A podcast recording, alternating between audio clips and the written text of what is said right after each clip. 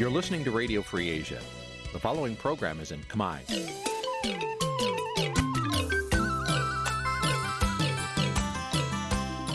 នេះជាកម្មវិធីផ្សាយ Vuthu Azizi Serai នេះជាកម្មវិធីផ្សាយរបស់ Vuthu Azizi Serai ជាភាសាខ្មែរ Vuthu Azizi Serai សូមស្វាគមន៍លោកអ្នកនាងទាំងអស់ពីរដ្ឋធានី Washington នៃសហរដ្ឋអាមេរិក។ ផ្សាយផ្ទាល់ពីរដ្ឋធានី Washington នាងខ្ញុំខែសុណងសូមជម្រាបសួរលោកនាងកញ្ញាប្រិយមិត្តអ្នកស្ដាប់វិទ្យុអាស៊ីសេរីទាំងអស់ជាទីមេត្រីចា៎នាងខ្ញុំសូមជូនកម្មវិធីផ្សាយសម្រាប់ព្រឹកថ្ងៃសៅរ៍3រោចខែមិញឆ្នាំឆ្លូវត្រីស័កពុរសករាជ2565ដែលត្រូវនៅថ្ងៃទី19ខែកុម្ភៈគ្រិស្តសករាជ2022ចា៎ជាដំបូងនេះសូមអញ្ជើញលោកនាងស្ដាប់ព័ត៌មានប្រចាំថ្ងៃដែលមានមេត្តាដូចតទៅ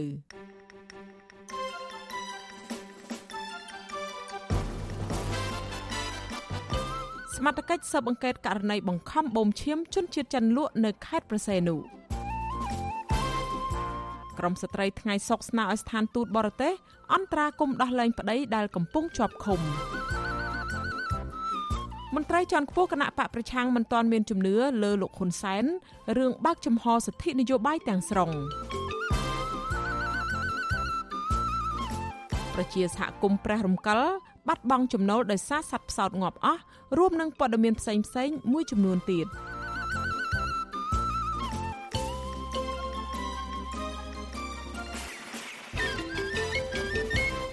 ចាជាបន្តទៅនេះនាងខ្ញុំខែសុណងសូមជូនព័ត៌មានទាំងនេះពឹស្ដាចាលោករនាងជាទីមេត្រីសមត្ថកិច្ចកំពុងស៊ើបអង្កេតជុំវិញករណីជនជាតិចិនម្នាក់ត្រូវជន់ល្មើសបោកបញ្ឆោតបូមឈាមលក់ពាក់ព័ន្ធទៅនឹងការជួញដូរមនុស្សនៅខេត្តប្រស័យនុ មន្ត្រីអង្គការសង្គមស៊ីវិលជំរុញដល់សមត្ថកិច្ចខេត្តប្រស័យនុឲ្យបើកការស៊ើបអង្កេតឲ្យបានម៉ត់ចត់ដើម្បីទប់ស្កាត់អំពើឧក្រិដ្ឋទាំងនេះចាអ្នកស្រីម៉ៅសុធានីរាយការណ៍អំពីរឿងនេះសមត្ថកិច្ចខេត្តបរសៃអនុអះអាងថាមន្ត្រីជំនាញកំពុងស៊ើបអង្កេតករណីជនជាតិចិនម្នាក់ដែលត្រូវបានគេបង្ខំបូមឈាមរហូតដល់មានបញ្ហាសុខភាពធ្ងន់ធ្ងរ ស្នងការនគរបាលខេត្តបរសៃអនុលោកជួនណារិន ប្រាប់បច្ចុប្បន្នស៊ីស្រីនៅថ្ងៃទី18ខែកុម្ភៈថារហូតមកដល់ពេលនេះសមត្ថកិច្ចជំនាញនៅមិនទាន់រកឃើញទីតាំងធ្វើទរណកម្មឬបង្ខាំងនឹងការបូមឈាមលក់ដោយជាការលើកឡើងនោះទេដោយសារតែបរិះជនជាតិចិននោះផ្ដល់ព័ត៌មានឲ្យអ្នកសារព័ត៌មាននិងសមត្ថកិច្ចមិនមានជាក់លាក់អំពីទីតាំង លោកបន្តថាសមត្ថកិច្ចត្រូវការសហការជាមួយគាត់និងតំណាងស្ថានទូតចិនឲ្យបានច្បាស់លាស់បន្ថែមទៀតដើម្បីស្រាវជ្រាវនិងចាត់វិធានការតាមផ្លូវច្បាប់ ជាប្រធានបទមួយសម្រាប់ខ្ញុំជាសមត្ថកិច្ចត្រូវធ្វើការស្រាវជ្រាវប៉ុន្តែគ្រាន់ថាពីមុនរហូតដល់ពេលឥឡូវនេះគឺយើងមិនទាន់ដែរជួបប្រទះថាអ្នកណាមួយដែលចាប់មនុស្សបូមឈាមលក់ទេព័ត៌មាននេះគឺយើងកំពុងតែធ្វើការស្រាវជ្រាវហើយគ្មានទីតាំងណាមួយដែលអាចកម្បាំងដែលសមត្ថកិច្ចយើងមិនអាចចូលបានទេប៉ុន្តែការអល់បង្ហាញរបស់គាត់ទៅតាមសារព័ត៌មានហើយនឹងការគាត់និយាយនេះគឺវាមិនជាក់លាក់អំពីកំណត់ទីតាំងច្បាស់លាស់អញ្ចឹងត្រូវតែសហការពីគាត់ឲ្យបានត្រឹមត្រូវ ជនជាតិចិនដែលរងគ្រោះដោយសារការជួញដូរនោះមានឈ្មោះលីអាយុជាង30ឆ្នាំពេលនេះលោកកំពុងសម្រាប់ព្យាបាលនៅមន្ទីរពេទ្យមួយនៅក្នុងខណ្ឌចំការមនរាជធានីភ្នំពេញលោកអះអាងថាលោកត្រូវបានគេបោកបញ្ឆោតឲ្យបង្ហូរឈាមរបស់គាត់ជាច្រើនដងនៅកម្ពុជា ចាប់តាំងពីខែសីហាឆ្នាំ2021ដែលធ្វើឲ្យគាត់ទន់ខ្សោយនិងសុខភាពស្ថិតនៅក្នុងស្ថានភាពធ្ងន់ធ្ងរ លោកលីបានរៀបរាប់ប្រាប់វិទ្យុ VOD ថាលោកធ្លាប់ជាឆ្មាំសន្តិសុខនៅទីក្រុងប៉េកាំងប៉ុន្តែដោយសារតែមើលឃើញថាមានការផ្សព្វផ្សាយតាក់ទងនឹងការងារដែលទទួលបានប្រាក់ខែល្អជាងមុនលោកក៏បានធ្វើដំណើរមកខេត្តខ្វាងស៊ីជិតព្រំដែនវៀតណាមបន្ទាប់មកលោកត្រូវបានគេសម្ភាសហើយត្រូវបានដឹកតាមរថយន្តជាច្រើនថ្ងៃឆ្លងកាត់វៀតណាមមកដល់កម្ពុជានៅថ្ងៃទី27ខែមិថុនាឆ្នាំ2021 លោកក៏បានអះអាងទៀតថាលោកត្រូវបានគេវាយដំជាច្រើនដង នៅអាគារដែលលោកស្គាល់ឈ្មោះថាចិនស៊ី10និងខៃបូនៅក្នុងបរិវេណ China Town ក្បែរឆ្នេរអូត្រេសក្រុងបរសៃអនុនិងនៅខេត្តកោះកុងផងដែរលោកបញ្ជាក់ថាលោកត្រូវបានគេបូមឈាមក្នុងបរិមាណដ៏ច្រើនរហូតដល់លោកមានបញ្ហាសុខភាពធ្ងន់ធ្ងរអំឡុងពេលនេះ ចាជំវិញរឿងនេះស្ថានទូតចិនប្រចាំនៅកម្ពុជា បានចេញសេចក្តីថ្លែងការណ៍មួយកាលពីថ្ងៃទី16ខែកុម្ភៈដោយបានទទួលស្គាល់ថាលោកលីត្រូវបានគេបោកបញ្ឆោតតាមការផ្សាយពាណិជ្ជកម្មមិនពិតហើយត្រូវបានបង្ខិតបង្ខំដោយអក្រិតជនរត់ពន្ធមនុស្សមកកម្ពុជា បន្ទាប់មកគាត់ក៏ត្រូវបានគេឃុំខ្លួនដោយខុសច្បាប់ដោយពួកក្រុមលបែងស៊ីសងតាមអ៊ីនធឺណិតនិងក្រុមឆោបោកនៅ Chinatown ក្នុងខេត្តបរសៃអនុហើយបូមឈាមជាច្រើនដងរហូតដល់គាត់ស្ថិតនៅក្នុងស្ថានភាពធ្ងន់ធ្ងរបែបនេះស្ថានទូតបានដឹងទៀតថាស្ថានភាពរាងកាយអ្នកជំងឺមានស្ថានភាពល្អប្រសើរហើយហើយស្ថានទូតកំពុងស៊ើបអង្កេតករណីរំលោភបំពាននេះដើម្បីកសាងសំណុំរឿងឲ្យបានឆាប់រហ័ស តែកតិនរឿងនេះនាយកទទួលបន្ទុកកិច្ចការទូតនៃអង្គការលីកាដូលោកអំសំអាតសង្កេតឃើញថាបាត់ល្មើសអក្រិតភៀកច្រើននៅខេត្តបរសៃហនុគឺបង្កឡើងដោយជនជាតិចិនហើយបង្កឲ្យមានអសន្តិសុខសង្គមនិងមានការភ័យខ្លាចរបស់ប្រជាពលរដ្ឋលោកបន្តថាករណីជួញដូរសរីរាង្គមនុស្ស ដោយការបង្ខំបូមឈាម គឺជាការរំលោភសិទ្ធិមនុស្សធ្ងន់ធ្ងរហើយដែលទាមទារឲ្យអាជ្ញាធរស៊ើបអង្កេតឲ្យបានច្បាស់លាស់ដើម្បីទប់ស្កាត់និងបង្ក្រាបបទល្មើសនេះ។ ករណីនេះយើងឃើញថាវាមិនមែនជាករណីធម្មតាទេដែលទាមទារឲ្យមានការស៊ើបអង្កេតឲ្យបានច្បាស់លាស់ពីព្រោះបើសិនជាកើតនៅលើទឹកដីនៃកម្ពុជាយើងមែនអានឹងត្រូវតែស៊ើបអង្កេតរកឫសគល់រកបញ្ហាហើយក៏ដូចជាអត់ល្មើសដែលបានកើតឡើងនឹងវាយ៉ាងម៉េចហើយអនុវត្តតាមផ្លូវច្បាប់បើសិនជាអ្វីដែលការរៀបរាប់របស់ជនរងគ្រោះនេះវាជារឿងពិតប្រាកដវាជារឿងរំលោភសិទ្ធិមនុស្សមួយធ្ងន់ធ្ងរណាស់ កាលពីឆ្នាំ2020សមត្ថកិច្ចកម្ពុជាបានចាប់ខ្លួនជនជាតិចិន ចំនួនជាង500នាក់ពាក់ព័ន្ធនឹងបទអូក្រិដ្ឋដែលពួកគេបានប្រព្រឹត្តនៅកម្ពុជាសមត្ថកិច្ចបានដឹងទៀតថាជនជាតិចិន ដែលត្រូវបានចាប់ខ្លួនភាគច្រើនមិនជាប់ពាក់ព័ន្ធនឹងការប្រព្រឹត្តអំពើឃាតកម្មការចាប់ចម្រិតទារប្រាក់អំពើហិង្សាការឆោបបោកចោរកម្មរត់ពន្ធថ្នាំញៀននិងការប្រើប្រាស់អាវុធខុសច្បាប់ ចានាងខ្ញុំម៉ៃសុធានីវិទ្យុអាស៊ីសេរីប្រធានាធិបតី Washington ចាលោកនាងកញ្ញាជាទីមេត្រីពាក់ព័ន្ធទៅនឹងជនរងគ្រោះជួញដូរជនជាតិចិននេះដែរអាញាធរចិនរកឃើញថាជនរងគ្រោះរូបនេះបានជឿលើការផ្សព្វផ្សាយពាណិជ្ជកម្មរកការងារ តាមរយៈគេហទំព័រ 58.com ដើម្បីទៅធ្វើការជាឆ្មាំសន្តិសុខនៅតាមក្លឹបកំសាន្តរាត្រីនៅប្រទេសកម្ពុជា ដែលនឹងទទួលបានប្រាក់ខែច្រើនជាងធ្វើឆ្មាំសន្តិសុខនៅប្រទេសចិនទីភ្នាក់ងារសារព័ត៌មាន Reuters ចុះផ្សាយកាលពីថ្ងៃទី18កុម្ភៈឲ្យដឹងថាគេហទំព័រ 58.com នេះមានជាប់ពាក់ព័ន្ធទៅនឹងក្រុមអ ுக ្រិតជនរកស៊ីជួញដូរមនុស្សនៅប្រទេសកម្ពុជា ក្រុមហ៊ុនផ្សព្វផ្សាយពាណិជ្ជកម្មនេះមានលក្ខណៈស្រដៀងគ្នាទៅនឹងក្រុមហ៊ុនមួយនៅសហរដ្ឋអាមេរិកឈ្មោះ Craigslist ម្ចាស់ក្រុមហ៊ុននេះសន្យាថានឹងសហការជាមួយប៉ូលីសស៊ើបអង្កេតនៅកម្ពុជាពាក់ព័ន្ធទៅនឹងករណីជួញដូរមនុស្សនេះទោះបីជាមិនទាន់ដឹងច្បាស់ថាតើការផ្សព្វផ្សាយពាណិជ្ជកម្មការងារនេះមានការក្លែងបន្លំលើគេហទំព័ររបស់ខ្លួនដែរឬទេ ទោះបីជាស្ថានទូតចិនប្រចាំកម្ពុជាបានចេញសេចក្តីថ្លែងការណ៍កាលពីថ្ងៃទី16ខែកុម្ភៈដោយបានទទួលស្គាល់ថាលោកលីត្រូវបានបោកបញ្ឆោតតាមការផ្សាយពាណិជ្ជកម្មមិនពិតនេះនឹងត្រូវបានក្រុមអ ுக ្រិតជនជួញដូរមនុស្សវាយធ្វើបាបនិងបានបូមឈាមជាច្រើនដងដោយសារតែគាត់មិនព្រមធ្វើការតាមការបង្ខិតបង្ខំប៉ុន្តែស្ថានទូតមិនបានបញ្ជាក់ប្រាប់ពីគេហទំព័រផ្សាយពាណិជ្ជកម្ម 58.com នោះឡើយ ស្ថានទូតចិនប្រចាំកម្ពុជាក៏បានក្រើនរំលឹកដល់ប្រជាពលរដ្ឋរបស់ខ្លួនដែលចង់មកធ្វើការនៅប្រទេសកម្ពុជាត្រូវអនុវត្តតាមបណ្ដាញផ្លូវការកុំឲ្យជឿទៅលើការផ្សព្វផ្សាយពាណិជ្ជកម្មមិនពិតអំពីការងារដែលមានប្រាក់ខែខ្ពស់ក្នុងករណីមានការក្លែងបន្លំចាប់ចម្រិតនិងការរឹតបន្តឹងសេរីភាពផ្ទាល់ខ្លួនជាដើម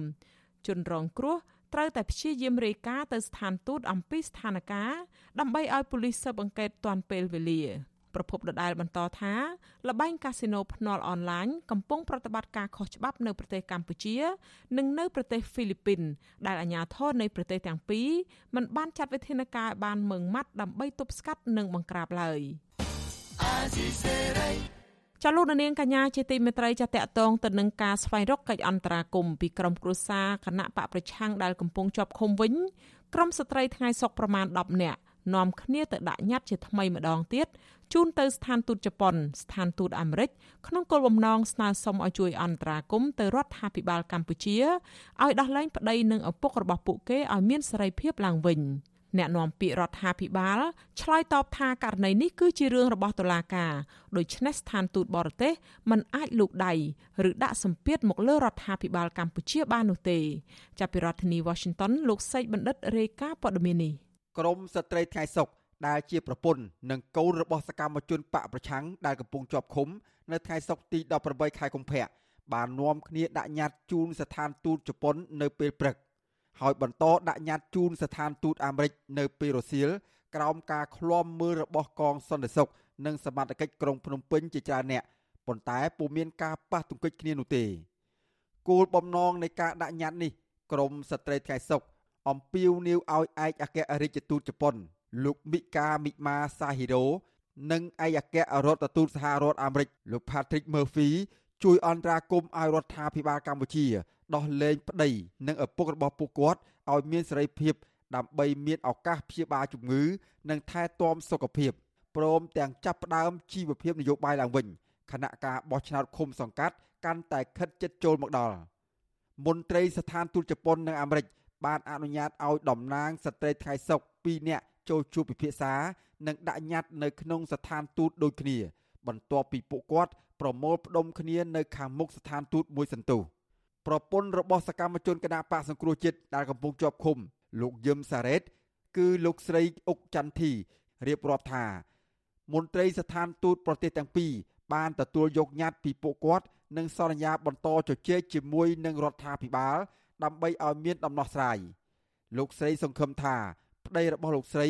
និងសកម្មជននយោបាយមួយចំនួនទៀតដែលជាប់ឃុំដោយគ្មានកំហុសជិត2ឆ្នាំមកហើយនេះនឹងមានសេរីភាពឡើងវិញឆាប់ៗនេះ ទទួលយកញាតយើងហើយគេថាគេនឹងជួយឲ្យអស់លទ្ធភាពចឹងចាដូចថាទៅឋានទូតអាមេរិកចឹងគឺខ្ញុំបានស្នើសុំទៅថាព្រោះអីនៅសហរដ្ឋអាមេរិកលោកប្រធានាធិបតីគាត់បានអញ្ជើញលោកហ៊ុនសែនទៅ ដើម្បីថាក្នុងកិច្ចប្រជុំចឹងខ្ញុំថាមុននឹងលោកប្រធានាធិបតីគាត់អញ្ជើញអ្នកដែលកាន់អំណាចរបស់ផ្ដាច់ការនឹងទៅគឺសូមឲ្យគាត់ដោះលែងអ្នកទោសនយោបាយសិនអញ្ចឹងចាហើយគាត់ថាគាត់នឹងពំនាំពាក្យនឹងទៅជូនទៅខាងអាមេរិកចឹងតកតងករណីនេះ ប្រធានអង្គភិបអ្នកណែនាំពីរដ្ឋាភិបាលលោកផៃស៊ីផានឆ្លើយតបថាការដែលក្រមស្ត្រីថ្ងៃសុកស្វែងរកកិច្ចអន្តរាគមន៍ពីស្ថានទូតប្រទេសនានានេះมันអាចជួយឲ្យអ្នកជាប់ឃុំរួចផុតពីពន្ធនាគារបានឡើយព្រោះសំណុំរឿងនេះកំពុងស្ថិតនៅក្នុងដៃតុលាការ។ គ្រាន់តែរកការដើម្បីនិយាយប្រាប់បរទេសរីឯទូតហ្នឹងក៏គ្មានមុខងារមកបង្ខំតឡាការអីប្រទេសណាមួយឲ្យធ្វើតាមទំនឹងចិត្តរបស់ប្រខ្លួនអត់ទេអាហ្នឹងគឺអត់មានបានជាផលអីទេបាទទោះបីជាសម្ដេចលោកអញ្ជើញទៅសហរដ្ឋអាមេរិកហ្នឹងក៏រឿងហ្នឹងវាមិនមែនខំសម្រាប់ការពិភាក្សាគ្នារវាងលោកប្រធានាធិបតីជូបៃដិនជាមួយនឹងសម្ដេចលីជូបើជាវេទិកាដែលជួបគ្នានិយាយអំពីផលប្រយោជន៍សហរដ្ឋអាមេរិកជាមួយនឹងអាស៊ាន ទោះយ៉ាងណាក្រមសតេថ្ងៃសុកអះអាងថាការស្វែងរកអន្តរាគមពីបណ្ដាស្ថានទូតប្រទេសប្រជាធិបតេយ្យនេះព្រោះសំណុំរឿងប្តីរបស់គាត់គឺជារឿងនយោបាយដែលមិនអាចដោះស្រាយបានតាមប្រព័ន្ធតុលាការដែលស្ថិតនៅក្រោមអធិបុលបកកាន់អំណាចបាននោះទេជុំវិញរឿងនេះនាយកទទួលបន្ទុកកិច្ចការទូតនៃអង្គការលីកាដូលោកអមសំអាតលើកឡើងថាការធ្វើសកម្មភាពទៀមទារបស់ក្រមស្ត្រីថ្ងៃសុកនៅតាមស្ថានទូតប្រទេសនានានេះគឺជាសេរីភាព និងជាក្តីសង្ឃឹមរបស់ពួកគាត់លោកយល់ថារដ្ឋាភិបាលគួរតែឆ្លើយតបជាវិជ្ជមាន ដើម្បីកុំឲ្យមានការរិះគន់បន្ថែមទៀត កិត្តិយសដែរដែលកម្ពុជាយើងបានទៅប្រជុំនៅសហរដ្ឋអាមេរិករវាងអាមេរិកជាមួយនឹងអាស៊ានហ្នឹងអញ្ចឹងយើងឃើញថាប្រទេសអាមេរិកជាប្រទេសមួយដែលធ្លាប់និយាយអំពីការស្ដារឡើងវិញអំពីលទ្ធិជាតិបតៃនិងការគោរពសិទ្ធិមនុស្សនៅកម្ពុជាតែខ្ញុំក៏នឹងជឿជាក់ថាក្រៅតែពីសម្ដេចចម្បងចម្បងរវាងអាមេរិកនិងអាស៊ានហ្នឹងក៏អាចនឹងមានចំនួនក្រៅពីការឬក៏ចំនួនណាមួយតាក់ទងនឹងការធ្វើឲ្យមានការវិវត្តឡើងកាន់តែល្អប្រសើរនៅលទ្ធិជាតិបតៃនិងការគោរពសិទ្ធិមនុស្សនៅកម្ពុជានឹងផងដែរបាទគិតត្រឹមថ្ងៃទី18ខែកុម្ភៈឆ្នាំ2022មានសកម្មជនគណៈបកសង្គ្រោះជាតិសកម្មជនសិទ្ធិមនុស្សនិងអ្នករិះគន់រដ្ឋាភិបាលជាង60នាក់ទៀតកំពុងជាប់ឃុំនៅក្នុងពន្ធនាគារពួកគាត់ភ័យច្រើនត្រូវបានអាជ្ញាធរចាប់ខ្លួនជាបន្តបន្ទាប់កាលពីដើមឆ្នាំ2020តុលាការបានចោទប្រកាន់ពួកគេដោយដូចគ្នា ពីពីបទរួមគំនិតក្បត់ញុះញង់ឲ្យយុធិនមិនស្ដាប់បង្គាប់ និងញុះញង់ឲ្យប្រព្រឹត្តបទឧក្រិដ្ឋជាអាតមកទល់នឹងពេលនេះសកម្មជនគណៈបកប្រឆាំងមួយចំនួនជាប់ឃុំជិត2ឆ្នាំហើយប៉ុន្តែតុលាការមិនទាន់កាត់ក្តីរួចរាល់នៅឡើយទេ ដែលផ្ទុយពីគោលការណ៍ច្បាប់អន្តរជាតិដែលចែងថា ការជំនុំជម្រះត្រូវធ្វើឡើងដោយឆាប់រហ័សបំផុត ដើម្បីកុំឲ្យប៉ះពាល់ដល់សិទ្ធិនិងផលប្រយោជន៍របស់ជនជាប់ចោតក្រុមអង្គការសង្គមស៊ីវិលជាតិនិងអន្តរជាតិជាច្រើនស្ថាប័ន រួមទាំងទីភ្នាក់ងារអង្គការសហប្រជាជាតិនិងក្រមប្រទេសប្រជាធិបតេយ្យធំធំ បានថ្កោលទោសជាបន្តបន្ទាប់ចំពោះរដ្ឋាភិបាលលហ៊ុនសែននិងទាមទារឲ្យដោះលែងសមាជិកបកប្រឆាំងនិងអ្នកជាប់ឃុំដោយសារតែមូលហេតុនយោបាយឲ្យមានសេរីភាពឡើងវិញដោយឥតលក្ខខណ្ឌខ្ញុំបាទសេកបណ្ឌិតវុទ្ធុអាស៊ីសេរីពីរដ្ឋធានីវ៉ាស៊ីនតោនចាលោករនាងកញ្ញាជាទីមេត្រីគណៈបកកាន់អំណាច មិនអនុញ្ញាតឲ្យអតីតសមាជិកក្រុមប្រឹក្សាឃុំសង្កាត់បកប្រឆាំងមួយចំនួនដែលបានចោះចូលជាមួយគណៈបកនេះបានឈរឈ្មោះបោះឆ្នោតទៀតទេសម្រាប់ការបោះឆ្នោតជ្រើសរើសក្រុមប្រឹក្សាឃុំសង្កាត់ឆ្នាំ2022អ្នកខ្លំមើលសង្គមនិងមន្ត្រីបកប្រឆាំងសង្កេតឃើញថា ជាទម្លាប់របស់គណៈបកប្រជាជនកម្ពុជា គឺគណៈបកនេះតែងតែផ្ដល់ប្រយោជន៍រយៈពេលខ្លីឲ្យមនុស្សមកពីគណៈបកផ្សេងដែលមកចោះចូលជាមួយបករបស់ខ្លួន។ តំណាងគណៈបកកាន់អំណាចអះអាងថាមូលហេតុដែលគណៈបកមិនអោយអតីតសមាជិកក្រុមប្រឹក្សាឃុំសង្កាត់បកប្រឆាំងមួយចំនួនដែលបានចោះចូលឈរឈ្មោះជាថ្មីទៀតនោះព្រោះពួកគេបំពេញការងាររបស់ខ្លួនមិនបានល្អអ្នកនាំពាក្យគណៈបកប្រជាជនកម្ពុជាលោកសុកអេសានឲ្យវិទ្យុអាស៊ីសេរីដឹងនៅថ្ងៃទី18កុម្ភៈថា អតីតមន្ត្រីគណៈបកប្រឆាំងទាំងនោះគឺជាមន្ត្រីថ្មីរបស់គណៈបកកាន់អំណាចដែលមិនសូវសកម្មនឹងការងារនិងមិនបានបម្រើប្រជាពលរដ្ឋឲ្យបានដិតដល់ទោះជាបែបនេះក្តីលោកថាក៏មានអតីតមន្ត្រីបកប្រឆាំងមួយចំនួនបានឈរឈ្មោះបន្តដើម្បីឲ្យពលរដ្ឋបោះឆ្នោតឲ្យដដែលព្រោះអ្នកទាំងនោះបានស្មោះស្ម័គ្រជាមួយគណៈបកប្រជាជនកម្ពុជា និងបំពេញការងារយ៉ាងសកម្មដែលធ្វើឲ្យក្រុមការងារមូលដ្ឋាននិងខេត្តរបស់គណៈបកប្រជាជនកម្ពុជាជឿទុកចិត្ត យើងអត់មានរើសអើងយើងអត់មានបែងចែកទេទោះបីថាបងប្អូនទៅចូលមួយថ្ងៃក៏ដោយក៏ជាសមាជិកគណៈបកប្រជាជនដែរអញ្ចឹងបេក្ខភាពរបស់បងប្អូនដែលជាប់ក្នុងបញ្ជីបេក្ខភាពនៅអាណត្តិថ្មីនេះវាអាស្រ័យទៅលើគុណសម្បត្តិរបស់បងប្អូនម្នាក់ម្នាក់អញ្ចឹងខ្ញុំយល់ថាអាចនឹងមានមួយចំនួនហើយក៏អាចនឹងមិនមានទាំងអស់ហើយក៏មិនអត់ទាំងអស់ទេបាទ អ្នកនាំពាក្យគណៈបកកណ្ដាលអំណាចរូបនេះអះអាងទៀតថាគណៈបកប្រជាជនកម្ពុជាបានដាក់បេក្ខជនឈរឈ្មោះសម្រាប់ការបោះឆ្នោតជ្រើសរើសក្រុមប្រឹក្សាឃុំសង្កាត់ខាងមុខជិត30000នាក់សម្រាប់ឃុំសង្កាត់ចំនួនជាង1600ទូទាំងប្រទេសទោះជាយ៉ាងណាលោកសុកអេសានបដិសេធមិនផ្ដល់តួលេខជាក់លាក់របស់អតីតមន្ត្រីគណៈបកប្រឆាំងដែលមិនត្រូវអនុញ្ញាតឲ្យឈរឈ្មោះជាបេក្ខជនឲ្យបកកាន់អំណាចសម្រាប់ការបោះឆ្នោតជ្រើសរើសក្រុមប្រឹក្សាឃុំសង្កាត់ឆ្នាំ2022នោះទេ លោកសុកអេសានបញ្ជាក់ថាអតីតមន្ត្រីមូលដ្ឋានគណៈបកសង្គ្រោះជាតិដែលចូលរួមជីវភាពនយោបាយជាមួយគណៈបកប្រជាជនកម្ពុជាកាលពីឆ្នាំ2017មានជាង2600នាក់ជុំវិញរឿងនេះអនុប្រធានគណៈបកសង្គ្រោះជាតិប្រចាំខេត្តកំពង់ឆ្នាំងលោកដួងចន្ទ្រាដែលកំពុងភៀសខ្លួននៅប្រទេសថៃឲ្យដឹងថាអតីតមន្ត្រីមូលដ្ឋានគណៈបកសង្គ្រោះជាតិដែលចោះចូលជាមួយគណៈបកប្រជាជនកម្ពុជា ក្នុងខេត្តរបស់លោកភៀកច្រើនមិនត្រូវគណៈបកកាន់អំណាច ដាក់ឲ្យឈរឈ្មោះជាបេក្ខជនសម្រាប់ការបោះឆ្នោតទៀតទេលោកឲ្យដឹងទៀតថា ចំពោះអតីតមន្ត្រីបកមួយចំនួនតូច ដែលបានឈរឈ្មោះបន្ត ពួកគេក៏មិនទទួលបានលេខរៀងល្អនោះដែរគឺត្រឹមលេខបំរុង មកដល់ពេលនេះយើងឃើញលទ្ធផលជាក់ស្ដែងតែម្ដង គឺនៅស្រុកកំពង់លែងគឺឃុំឃុំចំណោកបាទឃុំចំណោកគឺយើងបានជាមេឃុំឥឡូវនេះគាត់បានចូលជាមួយគេក្រោយពីរំលាយគណៈបកប្រជាជាតិប៉ុន្តែមកដល់ពេលនេះឃើញថាបេក្ខជនបេក្ខភាពដែលដាក់គាត់ចូលក្នុងអាណត្តិនេះគឺមិនទាន់ឃើញគាត់ឈរជាបេក្ខចូលជាលេខល្អទេគឺគេដាក់លេខបំរុងទៅវិញបាទនេះជាជាក់ស្ដែង តកតងរឿងនេះអ្នកសិក្សាការអភិវឌ្ឍសង្គមបណ្ឌិតសេងសារីយល់ថាករណីនេះអាចមានពាក់ព័ន្ធចំណុចសំខាន់ពីរយ៉ាងទី1គឺគណៈបកប្រជាជនកម្ពុជាចង់បង្ហាញថាខ្លួន មានធនធានគ្រប់គ្រាន់ក្នុងការដឹកនាំកិច្ចការងារនៅមូលដ្ឋានឯចំណុចសំខាន់មួយទៀតនោះគឺអតីតមន្ត្រីគណៈបកប្រឆាំងដែលចោះចូលជាមួយបកកាន់អំណាចនោះ គឺជាមនុស្សឱកាសនិយមហើយក្រុមមនុស្សប្រភេទនេះមិនសូវមានសមត្ថភាពដែលធ្វើឲ្យបកកាន់អំណាចប្រើប្រាស់ត្រឹមមួយពេលមួយពេលក៏បោះបង់ចោលទៅគណៈបព្វជិជនអាចមិនទុកចិត្តទៅលើភាពស្មោះត្រង់នៃអ្នកដែលចោះចូលហ្នឹងទី2ពាក់ព័ន្ធទៅនឹងសមត្ថភាពដែលពួកគាត់ចោះចូលដែរដោយសារតែយើងឃើញថាអ្នកដែលចោះចូលហ្នឹងគឺភាគច្រើនជាអ្នកឱកាសនិយម ធម្មតាដូចយើងមើលនៅក្នុងច្បាប់សង្គ្រាមអញ្ចឹងជាឆ្លើយសឹកគេមិនសូវជាឲ្យទូនាទីអីទេគេຕົកប្រើសម្រាប់យកមកចូលនៅក្នុងសមរភូមិក្នុងការប្រយុទ្ធទៅលើគ្នាឯងតែប៉ុណ្ណោះអញ្ចឹងហើយនៅក្នុងតម្លៃនយោបាយគឺវាអត់អាចយកមកប្រើឲ្យកើតទេសម្រាប់បើធៀបជាងឆ្លើយសឹកសង្គ្រាម នៅសល់តែជាង3ខែទៀតប៉ុណ្ណោះការបោះឆ្នោតជ្រើសរើសក្រុមប្រឹក្សាឃុំសង្កាត់អាណត្តិទី5នឹងចូលមកដល់គណៈបកមួយចំនួនកំពុងរៀបចំជ្រើសរើសនិងដាក់បេក្ខជនរបស់ខ្លួនសម្រាប់ការបោះឆ្នោតនេះក្រោយរដ្ឋាភិបាលលោកហ៊ុនសែនបានរំលាយគណៈបកសង្គ្រោះជាតិដែលមានសមាជិកសភា55រូបនិងសមាជិកក្រុមប្រឹក្សាឃុំសង្កាត់ជាង5000នាក់ កាលពីចុងឆ្នាំ2017នោះមន្ត្រីមូលដ្ឋានគណៈបកសង្គ្រោះជាតិមួយចំនួនបានទៅចោះចូលជាមួយគណៈបកប្រជាជនកម្ពុជាដោយគណៈបកកណ្ដាលអំណាចសន្យារក្សាទូនីតិរបស់អ្នកទាំងនោះដដែលអ្នកខ្លំមើលនយោបាយសង្កេតឃើញថាគណៈបកកណ្ដាលអំណាចមិនសូវផ្ដល់តម្លៃនឹងការងារល្អធំដុំដល់មន្ត្រីគណៈបកនានាដែលទៅចោះចូលជាមួយគណៈបករបស់ខ្លួននោះទេ អ្នកទាំងនោះភាកច្រើនបកកាន់អំណាចត្រឹមបញ្ចេញប្រើយូយូម្ដង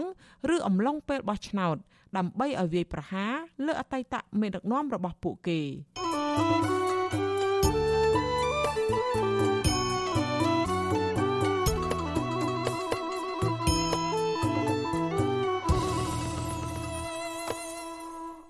ចាលោកនាងកញ្ញាជាទីមេត្រីលោកនាងកំពុងស្ដាប់ការផ្សាយរបស់វិទ្យុអាស៊ីសេរី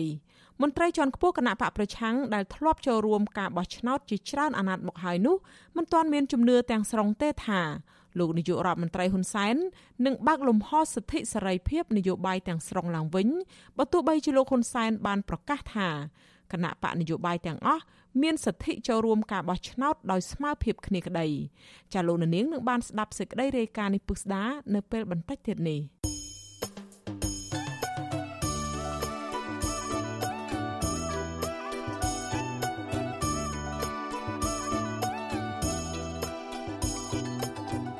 ចាលោករនាងកញ្ញាជាទីមេត្រីលោករនាងកំពុងស្ដាប់ការផ្សាយរបស់វិទ្យុអាស៊ីសេរីចាលោករនាងជាទីមេត្រីដំណើរគ្នាដែលលោករនាងកំពុងស្ដាប់ការផ្សាយផ្ទាល់របស់វិទ្យុអាស៊ីសេរីតាមបណ្ដាញសង្គម Facebook និង YouTube នេះចាលោករនាងក៏អាចស្ដាប់វិទ្យុរលក ធាតុអាកាសខ្លីឬ Shortwave តាមកម្រិតនិងកម្ពស់ដូចតទៅនេះពេលព្រឹកចាប់ពីម៉ោង5កន្លះដល់ម៉ោង6កន្លះតាមរយៈរលកធាតុអាកាសខ្លី9390 kHz ស្មើនឹងកម្ពស់ 32m និង11850 kHz ស្មើនឹងកម្ពស់ 25m នៅពេលយប់ពីម៉ោង7កន្លះដល់ម៉ោង8កន្លះតាមរយៈរលកធាតុអាកាសខ្លី9390 kHz ស្មើនឹងកម្ពស់ 32m និង15155 kHz ស្មើនឹងកម្ពស់ 20m ចលនានាងកញ្ញាជាទីមេត្រីចាតតតងទៅនឹងសំណុំរឿងរបស់ក្រុមកម្មករកាស៊ីណូ Nagavel វិញ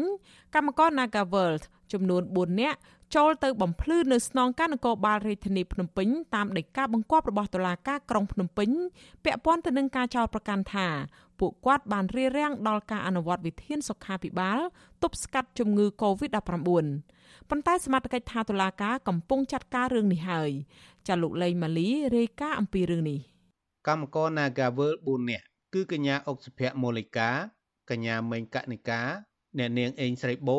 និងអ្នកស្រីខេងចិន្តា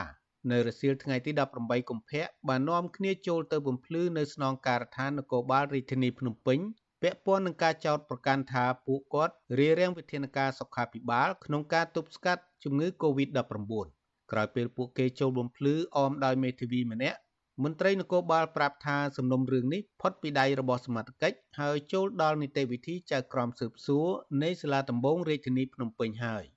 ទន្ទឹមគ្នានេះមានកម្មករ Nagavel ប្រមាណ50នាក់នាំគ្នាតាមដានការចូលបំភ្លឺរបស់កម្មករទាំង4នាក់ដោយម្នាក់ម្នាក់លើកក្រដាសសរសេរថាខ្ញុំធ្វើជាសាក្សី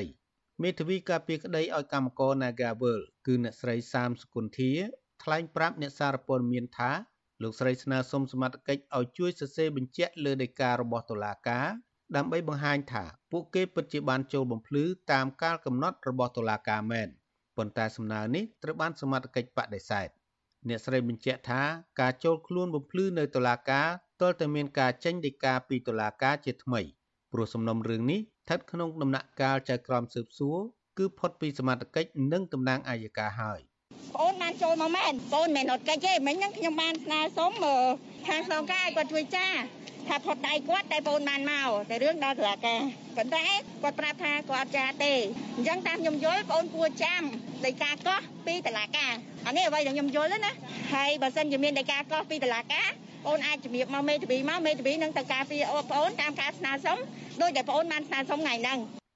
កម្មករ Nagavel 4នាក់លើកឡើងថាពួកគេនឹងចូលខ្លួនបំភ្លឺតាមនីតិវិធីរបស់តុលាការប្រសិនបើមានការកោះហៅពួកគេឲ្យចូលបំភ្លឺនៅពេលខាងមុខពួកគេថាការចោទប្រកាន់ពីព្រះរាជអាជ្ញារងនៃសាលាដំបងរាជធានីភ្នំពេញលោកសេងហៀងគឺជារឿងមិនពិត ព្រោះពួកគេនិងកម្មករផ្សេងទៀតដែលធ្វើកោតកម្មនៅក្បែរស្ថានទូតអូស្ត្រាលីកន្លងមក បានចូលរួមផ្ដល់សំណាក់រោគជំងឺ Covid-19 ជូនក្រុមគ្រូពេទ្យនៅកោះពេជ្រតាមការណែនាំរបស់ក្រសួងសុខាភិបាលរួចរាល់ហើយវិទ្យុអស៊ីសេរីមិនអាចសុំការឆ្លើយបំភ្លឺរឿងនេះពីអ្នកនាំពាក្យសាលាដំបងរាជធានីភ្នំពេញលោកអ៊ីរ៉ានបានទេនៅថ្ងៃទី18កុម្ភៈជុំវិញរឿងនេះនាយកទទួលបន្ទុកកិច្ចការទូតនៃអង្គការលីកាដូ លោកអំសំអាតដែលតាមឃ្លាំមើលរឿងនេះមានប្រសាសន៍ថាការប្រែក្លាយពីវិវាទការងាររវាងក្រុមកម្មករនយោជិតនិងក្រុមហ៊ុន Nagavel ទៅជារឿងចេញដីកាចាប់ខ្លួនតំណាងសហជីពនិងកម្មករទៅតុលាការនេះគឺការចេញពីចំនួនការងារដែលក្រសួងពាក់ព័ន្ធអសមត្ថភាពដោះស្រាយបញ្ចប់បញ្ហានេះត្រឹមត្រូវតាមច្បាប់លោកបន្តថាការប្រើប្រព័ន្ធតុលាការដើម្បីដាក់គំនាបគៀបសង្កត់គម្រាមកំហែងក្រុមកម្មករ Nagavel ឲ្យឈប់ធ្វើកោតកម្ម ទាមទារក្រុមហ៊ុនឲ្យទទួលតំណែងពួកគេនិងកម្មករជាង300នាក់ចូលធ្វើការវិញនោះមិនមែនជាដំណោះស្រាយដែលអាចបញ្ចប់បញ្ហានេះបានទេ លោកយល់ថាវិវាទការងារនេះគួរតែដោះស្រាយតាមយន្តការច្បាប់ ដែលក្រសួងការងារមានទួនាទីសម្របសម្រួលជាមួយភាគីក្រុមហ៊ុនពន្លឿនការរកដំណោះស្រាយ ខ្ញុំគិតថារឿងនាការវើលនេះវារមុំដល់ពេលត្រូវ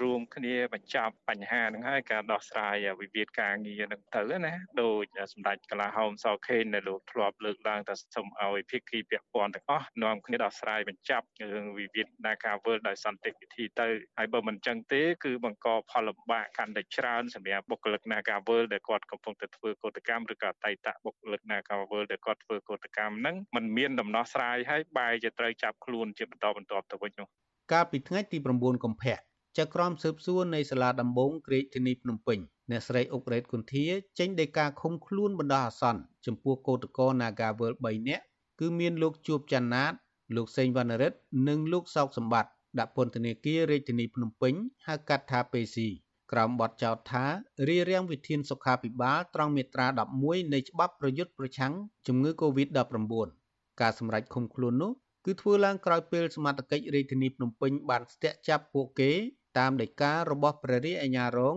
គឺលោកសេងហៀងកាលពីយប់ថ្ងៃទី5កុម្ភៈនៅពេលពួកគេចេញពីកន្លែងផ្ដាល់សំណាក់រោគជំងឺ Covid-19 នៅមជ្ឈមណ្ឌលកោះពេជ្រចំណែកតំណាងសហជីពនិងសកម្មជនសហជីព8នាក់ទៀតពួកគេកំពុងជាប់ឃុំក្នុងពន្ធនាគារព្រៃសរក្រោមបទចោទថាញុះញង់បង្កឲ្យមានភាពវឹកវរធ្ងន់ធ្ងរដល់សន្តិសុខសង្គម ពាក់ព័ន្ធនឹងសកម្មភាពធ្វើកោតកម្មនៅខាងមុខក្រុមហ៊ុន Nagavel កាលពីពាក់កណ្ដាលខែធ្នូឆ្នាំ2021ក្រុមអង្គការសិទ្ធិមនុស្សជាតិនិងអន្តរជាតិទាមទាររដ្ឋាភិបាលឲ្យដោះលែងតំណាងសហជីពសកម្មជនសហជីពនិងកម្មករ Nagavel ចំនួន11នាក់ឲ្យមានសេរីភាពវិញ និងដោយឥតលក្ខខណ្ឌពួកគេស្នើដល់ក្រសួងពាក់ព័ន្ធឲ្យបន្តដោះស្រាយវិវាទការងារនៅក្រុមហ៊ុន Nagavel ដោយភាពស្មោះត្រង់យុត្តិធម៌តម្លាភាព និងតាមច្បាប់ស្តីពីការងារខ្ញុំបាទលេងម៉ាលីវិទ្យុអស៊ីសេរីរាយការណ៍ពីរដ្ឋធានី Washington ចាលោករនាងកញ្ញាជាទីមេត្រីចាតកតងទៅនឹងវិស័យទេសចរវិញ ក្រសួងទេសចររំពឹងថាកម្ពុជានឹងទទួលបានភ្ញៀវទេសចរអន្តរជាតិកើនច្រើនឡើងវិញចាប់ពីខែមិថុនាតទៅអគ្គលេខាធិការរងនៃគណៈកម្មាធិការជាតិវាយតម្លៃទីក្រុងស្អាត និងជាមគ្គុទេសទេសចរលោកឈុនមករាបានប្រាប់កាសែតក្នុងស្រុកថា ចាប់តាំងពីរដ្ឋាភិបាលបើកប្រទេសឡើងវិញ កាលពីដើមខែវិច្ឆិការហូតមកដល់ចុងខែមករាឆ្នាំ2022កំណើនជើងហោះហើរបានកើនឡើងជាបន្តបន្ទាប់ប្រមាណ20%លោកបន្តថាចាប់តាំងពីដើមខែមករាឆ្នាំ2022មកចំនួនភ្ញៀវទេសចរអន្តរជាតិតិចតួចប៉ុណ្ណោះមកកម្ពុជាក៏ប៉ុន្តែកម្ពុជារំពឹងថាចាប់ពីខែមិថុនាតទៅនឹងមានភ្ញៀវទេសចរអន្តរជាតិច្រើន ជាពិសេសមកពីតំបន់អឺរ៉ុបនិងអាមេរិក ដោយសារអត្រានៃការលក់កញ្ចប់ទស្សនកិច្ចបានកើនឡើងយ៉ាងច្រើន បន្ថែមពីនេះក្រោយពីរដ្ឋាភិបាលប្រកាសបន្ធូរបន្ថយចំពោះលក្ខខណ្ឌនៃការធ្វើចតាឡេសាក់និងការចិញ្ចូលពីប្រទេសជិតខាងចំនួនភ្ញៀវទេសចរអន្តរជាតិមានជាប្រចាំដែលឆ្លងកាត់ព្រំដែនពីប្រទេសថៃវៀតណាមនិងឡាវក្នុងមួយឆ្នាំមួយឆ្នាំកម្ពុជាទទួលបានប្រាក់ចំណូលពីវិស័យទេសចរគឺប្រមាណ75000លានដុល្លារអាមេរិក ក៏ប៉ុន្តែក្រោយការរាតត្បាតនៃជំងឺ Covid-19 ភ្ញៀវទេសចរបរទេសបានធ្លាក់ចុះយ៉ាងគំហុកចាប់ពីខែមិនិនាឆ្នាំ2020តនន័យក្រសួងទេសចរបង្ហាញថាក្នុងឆ្នាំ2021ភ្ញៀវទេសចរបរទេសធ្វើដំណើរមកកម្ពុជា មានចំនួនជិត20ម៉ឺននាក់ធ្លាក់ចុះ85%បើប្រៀបធៀបទៅនឹងឆ្នាំ2020 ទោះបីជាយ៉ាងណាលោកនាយករដ្ឋមន្ត្រីហ៊ុនសែននៅសប្តាហ៍នេះប្រកាសពីវិធានការពង្រឹងការប្រយុទ្ធប្រឆាំង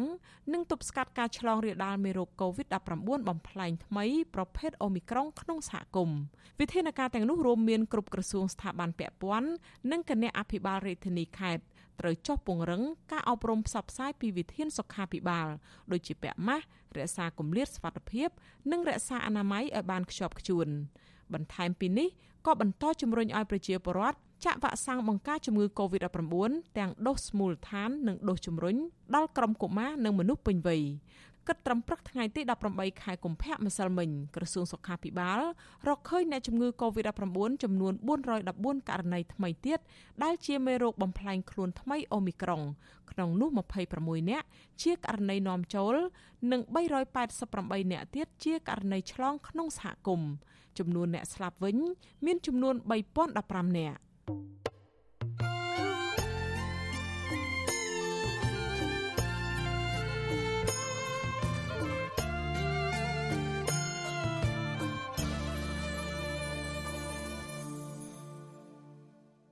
ចាលោករនាងកញ្ញាជាទីមេត្រីរឿងដាច់ដោយឡែកមួយទៀតក្រសួងប្រៃសណីនិងទូរគមនាគមន៍ក្រុងនឹងបិទក្រុមហ៊ុន King Technologies ដែលគេស្គាល់ថាក្រុមហ៊ុន OpenNet នៅសប្តាហ៍ក្រោយនេះក្រុមហ៊ុន King Technologies OpenNet គឺជាក្រុមហ៊ុនមួយដែលផ្ដល់សេវាអ៊ីនធឺណិតនៅកម្ពុជា រដ្ឋលេខាធិការនឹងជាអ្នកណែនាំពាក្យក្រសួងប្រៃសណីនិងទូរគមនាគមន៍លោកសូវិសុទ្ធិប្រាប់សារព័ត៌មាននៅក្នុងស្រុកថាក្រសួងបានរកឃើញបំណុលរបស់ក្រុមហ៊ុននេះជាង6លានដុល្លារដែលបានជំពាក់រដ្ឋចាប់តាំងពីឆ្នាំ2017ដល់ឆ្នាំ2019និងវិភាគទានបន្ថែមចូលមូលនិធិ USO និង CBRD សរុបជាង1លាន8សែនដុល្លារអាមេរិកដែលមិនទាន់បានប្រកាសកាលពីឆ្នាំ2018ដល់ឆ្នាំ2020 លោកបន្ថែមថាបើក្រុមហ៊ុន OpenNet មិនបានទូទាត់ប្រាក់បំណុលឲ្យបានសពគ្រប់ដោយបានបង់បំណុលតែ1លាន3សែនដុល្លារហើយកិច្ចវេះមិនបានសងបំណុលដែលនៅសល់ចំនួន6លាន6សែនដុល្លារទៀតនោះទេក្រសួងនឹងអនុវត្តវិធានការដោយវិយ័តកទូរគមនាគមន៍កម្ពុជានឹងចេញលិខិតព្យួរអាជ្ញាប័ណ្ណរបស់ក្រុមហ៊ុននេះនៅសប្តាហ៍ក្រោយហើយក្រុមការងារក្រសួងនឹងចុះទៅបិទក្រុមហ៊ុនជាបណ្ដោះអាសន្ន វិទ្យុអសីសេរីមិនអាចតាក់ទងសំការបំភ្លឺបន្ថែមអំពីរឿងនេះពីតំណាងក្រុមហ៊ុននេះបាននៅឡើយទេ នៅថ្ងៃទី18ខែកុម្ភៈកាលពីថ្ងៃទី10ខែកុម្ភៈក្រសួងសេដ្ឋកិច្ចនិងហិរញ្ញវត្ថុនិងក្រសួងប្រៃសណីនិងទូរគមនាគមន៍បានចេញលិខិតមួយរួមគ្នា ដោយបង្គាប់ឲ្យក្រុមហ៊ុននេះ ចូលទៅទូទាត់ប្រាក់បំណុលរយៈពេល7ថ្ងៃប៉ុន្តែរហូតមកដល់ពេលនេះនៅមិនទាន់ឃើញមានតំណាងក្រុមហ៊ុនចូលទៅទូទាត់បំណុលប្រមាណជា6លាន6សែនដុល្លារនោះនៅឡើយទេ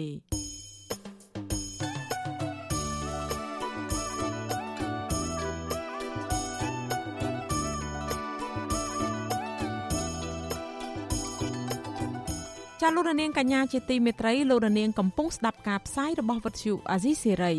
ចាលោករនាងជាទីមេត្រី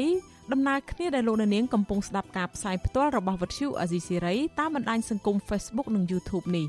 ចាលោករនាងក៏អាចស្ដាប់វិទ្យុរលក ធាតុអាកាសខ្លីឬ Shortwave តាមកម្រិតនិងកម្ពស់ដូចតទៅនេះពេលព្រឹកចាប់ពីម៉ោង5កន្លះដល់ម៉ោង6កន្លះតាមរយៈរលក ធាតុអាកាសខ្លី9390 kHz ស្មើនឹងកម្ពស់ 32m និង11850 kHz ស្មើនឹងកម្ពស់ 25m នៅពេលយប់ពីម៉ោង7កន្លះដល់ម៉ោង8កន្លះតាមរយៈរលកធារកាសខ្លី9390 kHz ស្មើនឹងកម្ពស់ 32m និង15155 kHz ស្មើនឹងកម្ពស់ 20m ចលនានាងកញ្ញាជាទីមេត្រី នៅឯខេត្តស្ទឹងត្រែងឯណោះវិញ ប្រជាសហគមន៍អេកូទេសចរព្រះរំកិលក្នុងខេត្តស្ទឹងត្រែងត្អូញត្អែអំពីការថយចុះប្រាក់ចំណូល ពីវិស័យទេសចរដោយសារតែលែងមានវត្តមានសត្វផ្សោតនៅអន្លង់អភិរក្សឈើទាល ចាកាលពីថ្ងៃទី15ខែកុម្ភៈកន្លងទៅសត្វផ្សោតនៅក្នុងអន្លង់ឈើទាលមួយក្បាលចុងក្រោយទម្ងន់110គីឡូក្រាមត្រូវបានគេប្រទះឃើញងាប់ដោយសារជាប់មងនៅកន្ទុយរបស់វា ក្នុងអាងទន្លេមេគង្គនាខេត្តស្ទឹងត្រែងចាលោកសេចបណ្ឌិត មានសេចក្តីរាយការណ៍មួយទៀតអំពីរឿងនេះសហគមន៍អេកូទេសចរព្រះរំកិលឃុំព្រះរំកិលស្រុកបូរីអូស្វាយសែនជ័យនៅតែស្ដាយស្រណោះសត្វផ្សោតក្នុងអន្លង់អភិរក្សឈើទាល ដែលមានភូមិសាស្ត្រជាប់នឹងទំនប់វារីអគ្គិសនីដនសហុងព្រំដែនឡាវនិងលែងមានវត្តមាននៅតំបន់នោះទៀតហើយបង្កឲ្យប៉ះពាល់ប្រភពប្រាក់ចំណូលរបស់ប្រជាពលរដ្ឋជាច្រើនគ្រួសារនៅតំបន់នោះប្រជាសហគមន៍ថាកន្លងទៅផ្សោត3ក្បាលនោះ បានងើបបង្ហាញខ្លួន នៅអន្លង់អភិរក្សឈើទាលក្នុងអាងទន្លេមេគង្គអាចរកប្រាក់ចំណូលជូនសហគមន៍ជាច្រើនម៉ឺនដុល្លារជារៀងរាល់ឆ្នាំ តាមរយៈដឹកភ្ញៀវទេសចរនិងលក់ម្ហូបអាហារជាដើមសមាជិកគណៈកម្មការអេកូទេសចរឃុំព្រះរំកិលលោកផយវណ្ណាប្រាប់បទសុអាស៊ីសេរីថាប្រជាពលរដ្ឋរាប់ពាន់គ្រួសារក្នុងឃុំព្រះរំកិលទទួលប្រាក់ចំណូលពីវិស័យទេសចរតាមរយៈលក់សម្បត្តិទស្សនាសត្វផ្សោតដឹកភ្ញៀវទេសចរលក់ម្ហូបអាហារផ្ដល់សេវាកម្មស្នាក់នៅ និងលក់វត្ថុអនុស្សាវរីយ៍ជាដើមលើសពីនេះទៀត ក្រោយពីផុតពូជផ្សោតទាំងស្រុងនិងបង្កឲ្យភ្ញៀវទេសចរថយចុះខ្លាំងប្រការនេះលោកថាគណៈកម្មការសហគមន៍កំពុងអភិរក្សរោគដំណោះស្រាយអភិរក្សត្រីកម្រនិងអន្លង់អភិរក្សឈើទាលដើម្បីបង្វែរការចាប់អារម្មណ៍ដល់ភ្ញៀវទេសចរក៏ប៉ុន្តែគម្រោងនេះត្រូវសហការជាមួយនឹងអាជ្ញាធរនិងអង្គការពាក់ព័ន្ធ។ ចឹងឥឡូវដល់តំបន់ហ្នឹងគឺបញ្ហារងគ្រោះវារីអគ្គិសនីបញ្ហារងគ្រោះកត្តានៃទឹកអត់មានគេថាមិនទៀងពេលវេលាការចោះការឡើងវាខុសប្រក្រតីបន្ទាប់មករហូតដល់ផ្សោតយើងផុតអស់រលែងទៀតចឹងជាសិទ្ធិកត្តាប្រឈមលោកផយវណ្ណាបន្ថែមថា កាលពីមិនទាន់មានវត្តមាន ទំនប់វារីអគ្គិសនីដនសហុងប្រជាសហគមន៍អាចលក់សម្បត្តិបាន ចាប់ពី60ម៉ឺនរៀលទៅ70ម៉ឺនរៀលក្នុងមួយខែហើយសហគមន៍ អាចរកប្រាក់ចំណូលបានចាប់ពី1លាន50ម៉ឺនរៀលទៅ2លានរៀលក្នុងមួយខែលោកបញ្ជាក់ថាភ្ញៀវទេសចរភៀកច្រើនមកពីប្រទេសឡាវហើយពួកគេចូលចិត្តជិះទូកទស្សនាផ្សោតងើបបង្ហាញខ្លួននៅអន្លង់អភិរក្សកាលពីថ្ងៃទី15កុម្ភៈសត្វផ្សោតក្នុងអន្លង់ឈើទាលមួយក្បាលចុងក្រោយទម្ងន់110គីឡូក្រាមត្រូវគេប្រទះឃើញងាប់ដោយសារជាប់មងនៅកន្ទុយក្នុងអាងទន្លេមេគង្គ នាខេត្តស្ទឹងត្រែងរបាយការណ៍មន្ត្រីរដ្ឋបាលជលផលក៏ត្រាថា នៅ ឆ្នាំ2007ផ្សោតនៅអន្លង់ឈើទាលមានចំនួន8ក្បាលប៉ុន្តែនៅសល់3ក្បាលនៅឆ្នាំ2018និងបន្តថយចុះមកនៅត្រឹម1ក្បាលនៅឆ្នាំ2021ហើយទើបតែផុតពូជទាំងស្រុងកាលពីពេលថ្មីថ្មីនេះលោកផយវណ្ណាបានទម្លាក់កំហុសការសាងសង់ទំនប់វារីអគ្គិសនីដនសហុងធ្វើឲ្យប្រែប្រួលចរន្តទឹក និងបរិមាណត្រីថយចុះបណ្ដាលឲ្យផ្សោតបាត់បង់ចំណីចិញ្ចឹមជីវិត លោកបន្ថែមថាក្រោយពីប្រទេសឡាវសាងសង់ទំនប់វារីអគ្គិសនី ធ្វើឲ្យប្រជាជនឡាវជាច្រើនគ្រួសារបានច្រាលមកនេសាទត្រីដោយពង្រីកមងនិងប្រើឧបករណ៍នេសាទផ្សេងទៀតនៅអន្លង់អភិរក្សផ្សោតនិងតាមបណ្ដោយដងទន្លេមេគង្គនៃខ្សែបន្ទាត់ខ័ណ្ឌទឹកដីប្រទេសទាំងពីរធ្វើឲ្យផ្សោតជួបគ្រោះថ្នាក់ជាបន្តបន្ទាប់ ការកើនឡើងនៃប្រជាជនខាងឡាវណាដែលគាត់មកនេសាទនៅតំបន់អភិរក្សនឹងលងផ្សោតហ្នឹងគឺគាត់សកម្មភាពគាត់គឺអត់ថយក្រោយទេគឺកាន់តែកើនភាសាកម្ពុជាយើងគាត់ថាការលួចលាក់តែបើខាងឡាវគឺគាត់ធ្វើដោយសេរីភាពរបស់គាត់ហ្នឹងហើយបាទទាំងជុំទាំងថ្ងៃបាទជុំវិញរឿងនេះប្រធានមន្ទីរទេសចរខេត្តស្ទឹងត្រែងលោកអ៊ុនប៉ោសឿនទទួលស្គាល់ថាផ្សោតនៅអន្លង់ឈើទាលក្នុងអាងទន្លេមេគង្គតាក់ទាញភ្ញៀវទេសចរយ៉ាងសំខាន់អាចរកប្រាក់ចំណូលជូនសហគមន៍ជាច្រើនឆ្នាំមកហើយ។ លោកថាការបាត់បង់ផ្សោតធ្វើឲ្យប្រជាសហគមន៍បាត់បង់ចំណូលមួយផ្នែកទោះយ៉ាងណាក្តីលោកបញ្ជាក់ថាក្រោយពីបាត់បង់វត្តមានសត្វផ្សោតនៅតំបន់នោះ មន្ទីរទេសចរបានដាក់ចេញយុទ្ធសាស្ត្រអភិរក្សតំបន់នោះ ទៅលើផលិតផលតាក់ទាញផ្សេងផ្សេងទៀតរួមមានទេសភាពតាមដងទន្លេភ្ជាប់តំបន់រៀមសា និងព្រៃសហគមន៍ជាដើម យើងគិតថាផ្សោតនឹងបាត់បង់នៅកន្លែងនោះប៉ុន្តែអ្វីដែលយើងបន្សល់ទុកនៅនឹងរៀបចំគ្រោងឆ្អឹងផ្សោតហើយយើងនឹងរៀបចំពីព័ត៌មានប្រវត្តិអឺសត្វផ្សោតបាទហើយយើងនឹងមានរៀបចំពីសកម្មភាពនៃផ្សោតដែលមានពីមុនមកទៀតយើងចងក្រងរៀបឲ្យវាក្លាយទៅជាបណ្ណាល័យផ្សោតសម្រាប់បង្ហាញជូនភ្ញៀវទេសចរដែលមកលេងនៅក្នុងតំបន់នោះបាទនេះជាផែនការអ្វីដែលមន្ត្រីទេសចរបានដាក់ចេញនៅក្នុងផែនការ5ឆ្នាំ2021 2025ខាងមុខនេះ នាយកប្រតិបត្តិអង្គការបណ្ដាញការពារទន្លេ3លោកលៀងប៊ុនលៀបចាត់ទុកការផុតពូជចុងក្រោយ របស់សត្វផ្សោតនៅអន្លង់ឈើទាលគឺជាសោតនេតកម្មធ្ងន់ធ្ងរដែលមិនអាចនឹងរកផ្សោតនៅតំបន់ផ្សេង ទៅបង្កកំណើតនៅតំបន់នោះធ្វើឲ្យប្រជាពលរដ្ឋខាតបង់ប្រយោជន៍ជាច្រើនលោកថាកន្លងទៅ អន្លង់សត្វផ្សោតធំទូលាយហើយនៅគ្រាដែលមានវត្តមានទំនប់វារីអគិសនីដនសហុងធ្វើឲ្យផ្សោតបង្ខំចិត្តទៅរស់នៅកន្លែងផ្សេងផ្សេង ប្រឈមគ្រោះថ្នាក់ច្រើន ក្នុងការចាប់ត្រីជាចំណីអាហាររាំងស្ទះអាលំហូរប្រក្តីរបស់ទឹកនឹងឯងធ្វើឲ្យមានការប្រែប្រួលឲ្យផ្សោតនឹងវាមិនអាចរស់នៅបានទេទោះបីជាមានប្រមាណក៏នៅមិនបានដែរហើយវត្តមានផ្សោតចុងក្រោយដែលវាស្លាប់កាប់ពីប្រមាណថ្ងៃមុននឹងឯងគឺវាជារឿងមួយបង្ហាញថាវាជាសោកនាដកម្មព្រោះវាអត់អាចមានផ្សោតណាតការទៀតនៅតំណងបានទៀតទេតួលេខពីអង្គការមូលនិធិសកលសម្រាប់អភិរក្សធនធានធម្មជាតិប្រចាំនៅកម្ពុជា ហៅកាត់ថា WWF Cambodia ឲ្យដឹងថា ចាប់ពីឆ្នាំ1997មកសត្វផ្សោតទន្លេមេគង្គរបស់កម្ពុជា បានថយចុះចំនួន200ក្បាល មកនៅត្រឹមក្រោម100ក្បាល បច្ចុប្បន្នផ្សោតនៅត្រឹម90ក្បាល ដោយមិនរាប់បញ្ចូលផ្សោតកើតថ្មី ដែលកំពុងមានវត្តមាននៅខេត្តក្រចេះនិងខេត្តស្ទឹងត្រែងនោះទេខ្ញុំបាទសេកបណ្ឌិតវុទ្ធុអាស៊ីសេរីពីរដ្ឋធានីវ៉ាស៊ីនតោន ចាលោកនាងកញ្ញាជាទីមេត្រីចាតកតងទៅនឹងការអភិរក្សសត្វព្រៃឯនេះវិញមន្ត្រីរដ្ឋបាលជលផលខេត្តក្រចេះនិងអង្គការសមាគមអភិរក្សសត្វព្រៃបានប្រឡែងកូនកន្ទេលក្បាលកង្កែបចំនួន35ក្បាលចូលទៅក្នុងទីជម្រកធម្មជាតិតាមដងទន្លេមេគង្គនៅក្នុងស្រុកសម្បូរខេត្តក្រចេះអង្គការសមាគមអភិរក្សសត្វព្រៃផ្សព្វផ្សាយលើ Facebook ថាកាលពីថ្ងៃទី17ខែកុម្ភៈ កូនកន្ធាយទាំងនោះត្រូវបានក្រុមការពារសម្បុកសហគមន៍ប្រមូលយកពីឆ្នេរខ្សាច់តាមបណ្ដោយដងទន្លេមេគង្គក្រោយពីវាបានញាស់ចេញពីសម្បុកភ្លាមបន្ទាប់មកយកវាទៅចិញ្ចឹមថែទាំរយៈពេល2ទៅ4សប្តាហ៍ទើបលែងចូលទៅក្នុងទីជម្រកធម្មជាតិរបស់វាវិញរៀងរាល់ឆ្នាំកន្ធាយក្បាលកង្កែបឬហៅថាល្មិចចាប់ផ្ដើមបង្កកំណើតចន្លោះពីខែវិច្ឆិកាដល់ខែមិថុនា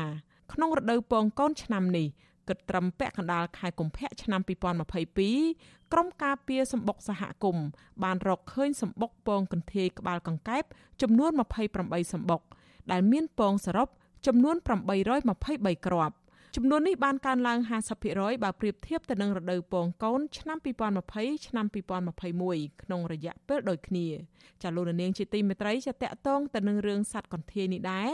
នៅឯខេត្តកណ្ដាលវិញ មន្ត្រីរដ្ឋបាលព្រៃឈើខេត្តកណ្ដាលសហការជាមួយមន្ត្រីនគរបាលសេដ្ឋកិច្ចខេត្តចាប់ខ្លួនបរិះ2នាក់ពីបទដឹកជញ្ជូនកន្ធាយនិងពងកន្ធាយពីប្រទេសវៀតណាមចូលមកកាន់កម្ពុជាដោយគ្មានច្បាប់អនុញ្ញាត។ មន្ត្រីរដ្ឋបាលព្រៃឈើខេត្តកណ្ដាលលោកពងសរុនបានប្រាប់សារព័ត៌មានក្នុងស្រុកថាពួកគេបានរឹបអូសកន្ធាយ1000ក្បាល និងកូនកន្ធាយចំនួន2000ក្បាលព្រមទាំងពងកន្ធាយចំនួន2210គ្រាប់នៅឯស្រុកគៀនស្វាយជនសង្ស័យទាំងពីរនាក់នេះគឺជាអ្នកបើកបររថយន្តក្រុងនិងព្រូឡានម្នាក់ដែលជាពលរដ្ឋរស់នៅស្រុករមាហែកខេត្តស្វាយរៀង។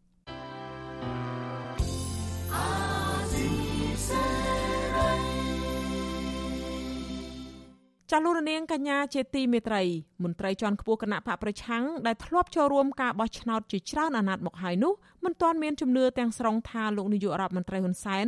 នឹងបើកលំហសិទ្ធិសេរីភាពនយោបាយទាំងស្រុងឡើងវិញទេបើទោះបីជាលោកហ៊ុនសែនបានប្រកាសថាគណៈបកនយោបាយទាំងអស់មានសិទ្ធិចូលរួមការបោះឆ្នោតដោយស្មើភាពគ្នាក្តីចាលោកទីនសាការីយ៉ារាយការណ៍អំពីរឿងនេះមន្ត្រីគណៈបកប្រឆាំងអះអាងថាលោកហ៊ុនសែនកំពុងតែលេងល្បែងនយោបាយពីភ្នែកតែប៉ុណ្ណោះ ចំពោះការប្រកាសរបស់លោកឲ្យបើកលំហសិទ្ធិសេរីភាពនយោបាយឡើងវិញនោះប្រធានស្ដីទីគណៈបកភ្លឹងទៀនលោកថាច់សេដ្ឋាមិនមានជំនឿលើការប្រកាសរបស់លោកហ៊ុនសែននេះឡើយលោកបញ្ជាក់ថាគណៈបកភ្លឹងទៀនសប្តាហ៍ថ្ងៃនេះជួបឧបសគ្គជាច្រើននៅក្នុងការធ្វើសកម្មភាពនយោបាយរបស់ខ្លួននៅតាមមូលដ្ឋានដូចជាការហាមឃាត់មិនឲ្យលើកស្លាកគណៈបកនិងការគម្រិតកំហែងមន្ត្រីថ្នាក់ឃុំជាដើមឥឡូវនេះយើងបានឃើញមានការដាក់បទបញ្ជាដាក់អីទៅមិនអោយមាន ការឆាឆាវយាយីដល់គណៈបកនយោបាយប៉ុន្តែខ្ញុំចង់ជម្រាបទស្សនវិជ្ជាជាក់ស្ដែងទៅវិញថាដើម្បីបង្កើតបរិយាកាសនយោបាយមុនបោះឆ្នោតឲ្យប្រព្រឹត្តទៅដែលយើងអាចទទួលយកបានហើយថាបរិយាកាសល្អមុនការឈានទៅដល់ការបោះឆ្នោតនោះយើងត្រូវពិនិត្យមើលតើគ្រាន់តែជាវោហាស័ព្ទនឹងវាគ្រប់គ្រាន់ដែរឬអត់បើយើងខ្ញុំខ្ញុំគិតថាតតែទង្វើ ជាក់ស្ដែងចាត់វិធានការជាក់ស្ដែងថែមទៀតបានទើបអាចធ្វើទៅបានការលើកឡើងរបស់មន្ត្រីគណៈបកប្រឆាំងនេះធ្វើឡើងនៅក្រៅពេលលោកនាយរដ្ឋមន្ត្រីហ៊ុនសែនបានប្រកាសកាលពីថ្ងៃទី16កុម្ភៈដោយអំពាវនាវឲ្យសមាជិកមូលដ្ឋានទាំងអស់សម្រួលនិងការពៀគ្រប់គណៈបកនយោបាយដែលធ្វើសកម្មភាពនយោបាយនៅតាមមូលដ្ឋានលោកហ៊ុនសែនបញ្ជាក់ថាគណៈបកនយោបាយទាំងអស់មានសិទ្ធិធ្វើនយោបាយដោយស្មើភាពគ្នាយើងខ្ញុំសូមអំពាវនាវឲ្យអាជ្ញាធរគ្រប់រดับថ្នាក់ បង្កលក្ខណៈសម្បត្តិឲ្យបណ្ដាបកនយោបាយដែលនឹងត្រូវចូលរួមការបោះឆ្នោតនៅពេលខាងមុខនេះទទួលបាននៅឱកាសសម្រាប់ការជួបជុំការរៀបចំចុះទៅជួបប្រជាជន ដែលជាសមាជិកសមាជិការបស់ពួកគេដោយគ្មានការរំខានណាមួយពីមូលដ្ឋានហើយយើងត្រូវខិតខំជួយការពារសវត្ថិភាពនៃបណ្ដាបកនយោបាយនេះឲ្យបានកុំឲ្យមានការបោះឆ្នោតមួយញោមញីដោយអំពើហិង្សាជំនួស រហូតទៅដល់មានមនុស្សគ្រោះថ្នាក់នេះមិនមែនជាលើកទី1ទេដែលមន្ត្រីជាន់ខ្ពស់រដ្ឋាភិបាលបានប្រកាសឲ្យបើកចំហសិទ្ធិនយោបាយសម្រាប់គ្រប់គណៈបកនោះកាលពីពេលថ្មីថ្មីកន្លងមកនេះលោកអបនាយករដ្ឋមន្ត្រីសខេងនិងជារដ្ឋមន្ត្រីក្រសួងមហាផ្ទៃក៏ធ្លាប់ប្រកាសដោយលោកហ៊ុនសែននេះដែរក៏ប៉ុន្តែសកម្មភាពជាក់ស្ដែងអាញាធមូលដ្ឋាននៅតាមបណ្ដាខេត្តមួយចំនួននៅតែរំខានដល់សកម្មភាពនិងបិទសិទ្ធិសេរីភាពគណៈបកក្រៅរដ្ឋាភិបាលដដែល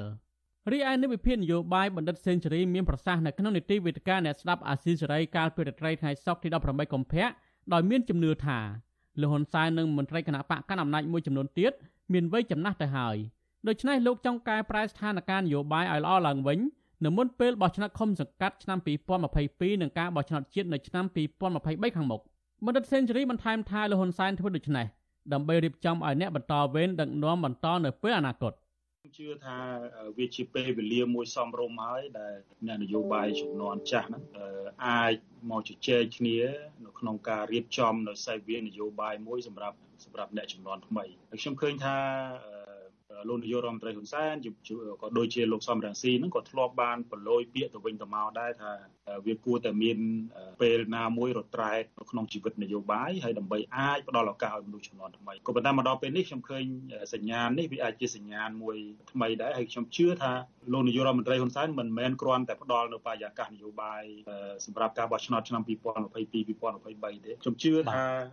លោកហ៊ុនសែនលោកនាយករដ្ឋមន្ត្រីហ៊ុនសែនអាចនឹងដោះលែងមន្ត្រីសហជីពផ្សេងបុគ្គលិក Nagawal ដើម្បីបង្ហាញទៅទៅអន្តរជាតិឬក៏បង្ហាញទៅពលរដ្ឋថាមុនការបោះឆ្នោតនេះមានការផ្ដល់ឱកាសឬក៏ការបង្ហាញឲ្យឃើញថាសេរីភាពនៅក្នុងការជួបជុំដោយសន្តិវិធីនឹងកើតមានឡើងទោះបីជាយ៉ាងនេះក្តីលោកថៃសិដ្ឋាលើកឡើងថាគណៈបកប្រជាជនកម្ពុជាឬលោកហ៊ុនសែនពិបាកនឹងជឿណាស់ថាលោកបើកសិទ្ធិសេរីភាពនយោបាយឡើងវិញដោយសារតែគណៈបកនេះមានរកុលពីវៀតណាមជាអ្នកបង្កើតឡើងម្យ៉ាងវិញទៀតរដ្ឋាភិបាលសពថ្ងៃនេះក៏មិនទាន់អាយក្រេតនៅដាច់ពីវៀតណាមដែរ គណៈបព្វជិជនចាញ់មានន័យថាហូជីមីញនេះវាចាញ់ហើយយួននេះគឺចាញ់ហើយអញ្ចឹងយួនគេខំប្រឹងទុកក្នុងការពារណាក្នុងគេមរតករបស់គេនេះគេបន្សល់ទុករឿងនឹងនៅក្នុងកម្ពុជាយើងអញ្ចឹងហើយខ្ញុំសូមទៅពីវិនិយោគទេថាសូមឲ្យងាកមក គិតរឿងផលប្រយោជន៍ជាតិទាំងអស់គ្នាទៅហើយយើងគិតជាផលប្រយោជន៍ខ្មែរយើងទាំងអស់គ្នាដូចខ្ញុំជម្រាបខាងដើមថាយើងចាស់ចាស់ហើយទាំងអស់ហើយហើយយើងសិតទៅឆ្លងកាត់មើលឃើញប្រវត្តិសាស្ត្រដ៏ជូរចត់ឈឺចាប់របស់ជាតិរបស់យើងអញ្ចឹងហើយបញ្ចប់ទៅអាការហិចហួរយកសខ្មែរគ្នាឯងជាសត្រូវនឹងគិតចាប់តាំងពីឆ្នាំ2007មកលោកហ៊ុនសែនតែតែធ្វើនយោបាយម្ដងរឹតបន្តឹងរឹតបន្តូរទន្ទឹមនឹងនោះបានចាប់សកម្មជននិងអ្នកនយោបាយដាក់ពន្ធនាគារជាដើមរីឯក្រោយមក គឺបន្ធូរបន្ថយស្ថានភាពមកវិញពិសេសនៅមុនពេលបោះឆ្នោតម្ដងម្ដងបានមកដល់សម្រាប់នៅពេលនេះវិញមន្ត្រីគណៈបកប្រឆាំងលើកឡើងថាលហ៊ុនសែនអាចនឹងលេងល្បែងឆ្ពិនភ្នែកមហាជននេះម្ដងទៀតដើម្បីឲ្យសហគមន៍អន្តរជាតិមើលឃើញថាកម្ពុជាមានលំហប្រជាធិបតេយ្យនិងទទួលស្គាល់រដ្ឋាភិបាលក្រោយពេលបោះឆ្នោតថាជារដ្ឋាភិបាលស្របច្បាប់ជាដើមទោះបីជាយ៉ាងនេះក្តីមន្ត្រីបកប្រឆាំងនៅនៃវិភាគអំពាវនាវឲ្យលោកហ៊ុនសែននិងរដ្ឋាភិបាលរបស់លោក គួរតែងាកមកតុកចរចាបើកលំហសិទ្ធិសេរីភាពនយោបាយពិតប្រាកដហើយចាប់ដៃគ្នារវាងភាគីខ្មែរនិងខ្មែរដើម្បីស្វែងរកសន្តិភាពជូនប្រជាពលរដ្ឋឲ្យបានពិតប្រាកដនៅស្របពេលប្រជាពលរដ្ឋកំពុងតែរងនៅអំពើអយុត្តិធម៌សង្គមសពបែបយ៉ាងនេះខ្ញុំធីនសាការីយ៉ាអស៊ីសេរីប្រធានីវ៉ាស៊ីនតោន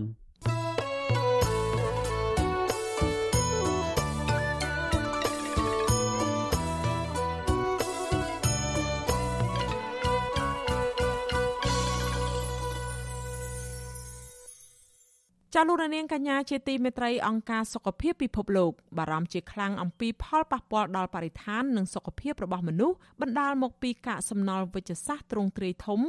នៅតាមមន្ទីរពេទ្យព្យាបាលជំងឺ Covid-19 ទូទាំងពិភពលោក ក្នុងនោះរួមមានសេរ៉ាំងឧបករណ៍ធ្វើតេស្តនិងសម្បកដបវ៉ាក់សាំងដែលបានប្រើប្រាស់សម្រាប់អ្នកជំងឺរួចហើយ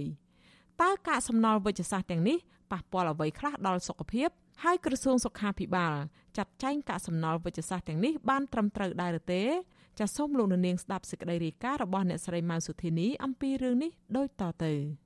ក្រមអ្នកឯកទេសសុខភាពឲ្យដឹងថាផលប៉ះពាល់ដល់សុខភាពរបស់មនុស្សបណ្ដាលមកពីប៉ះពាល់កាកសំណល់ពេទ្យរួមមាន ជំងឺសើស្បែកការឆ្លងមេរោគក្នុងឈាម ជំងឺផ្លូវដង្ហើម ជំងឺសរសៃឈាមបេះដូងជំងឺមហារីក បញ្ហាលូតលាស់របស់កុមារនិងការសម្រាលកូនមិនគ្រប់ខែជាដើមចំណែកផលប៉ះពាល់ដល់បរិស្ថានវិញ គឺជាតិពុលចេញពីកំណោសម្រាមដោយសារទឹកភ្លៀងធ្លាក់បានហូរជ្រាបចូលទៅបំពុលដីនិងទឹក ជាហេតុនាំឲ្យទឹកមានធាតុលោហៈច្រើននិងបាក់តេរី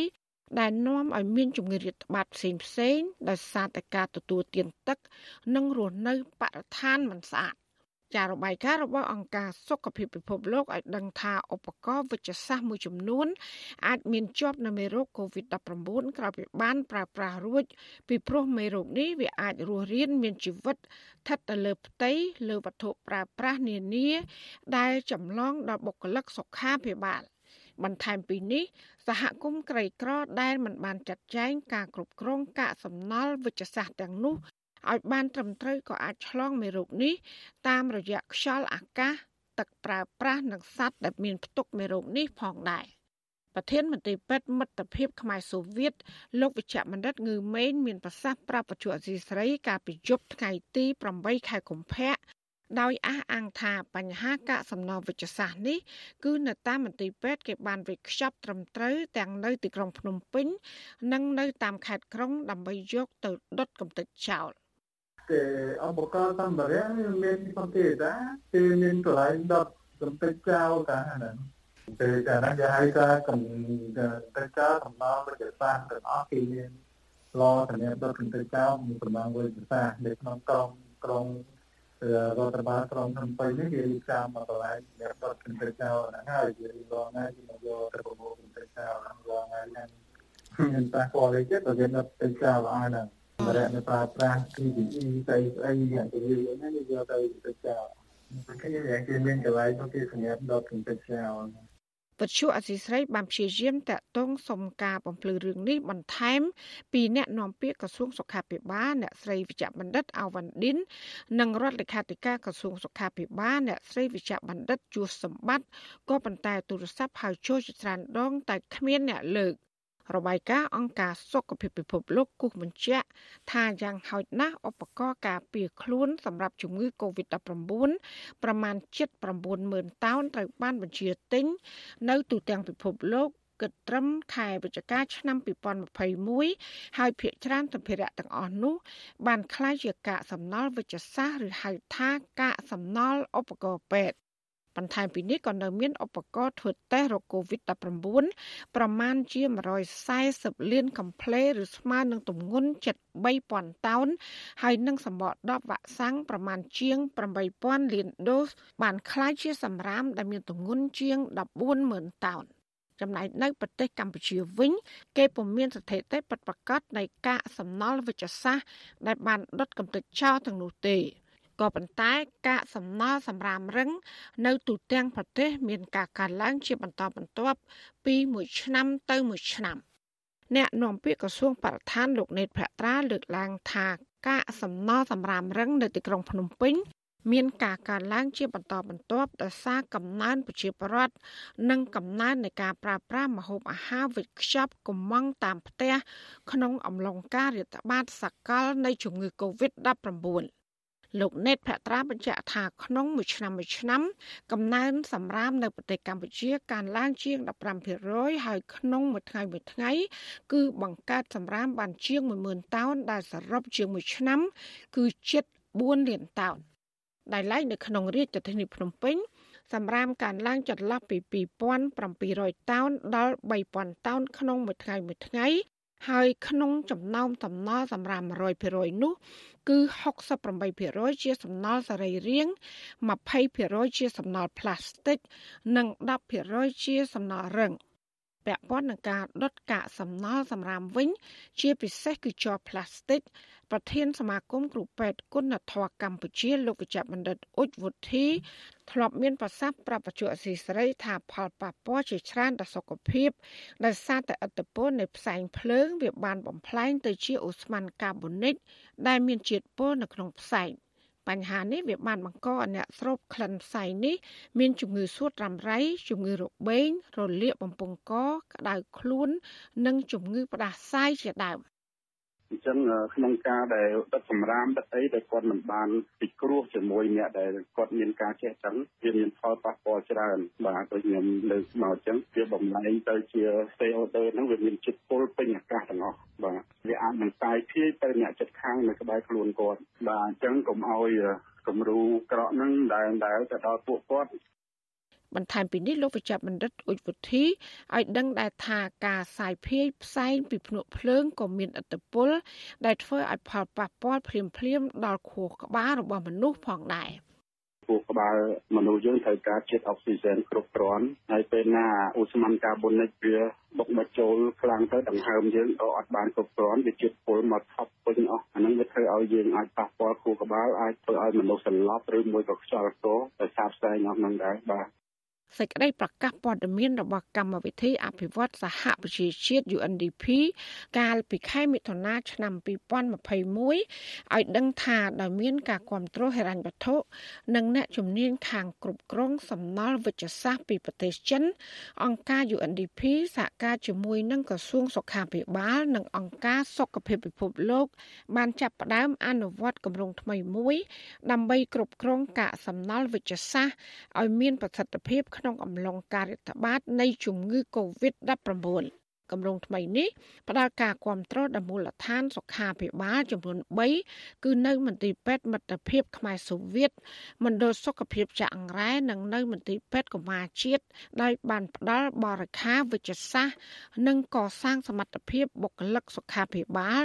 ព្រមទាំងអ្នកផ្ដល់សេវាអំពីការធ្វើប្រព្រឹត្តកម្មកាកសំណល់រឹងនិងកាកសំណល់រាវ បន្ថែមពីនេះគម្រោងនេះក៏ជំរុញឲ្យមានសហការពីប្រជាប្រដ្ឋរស់នៅក្នុងទីក្រុង ដើម្បីធានាឲ្យមានការគ្រប់គ្រងកាកសំណល់ឲ្យបានត្រឹមត្រូវ ដើម្បីបង្ការជំងឺឆ្លងនានានិងកាត់បន្ថយគ្រោះថ្នាក់ដល់សុខភាពសាធារណៈនិងបរិស្ថានឲ្យនៅតិចបំផុតចាននាងខ្ញុំម៉ៅសុធានីវិទ្យុអាស៊ីសេរីប្រធានាធិបតី Washington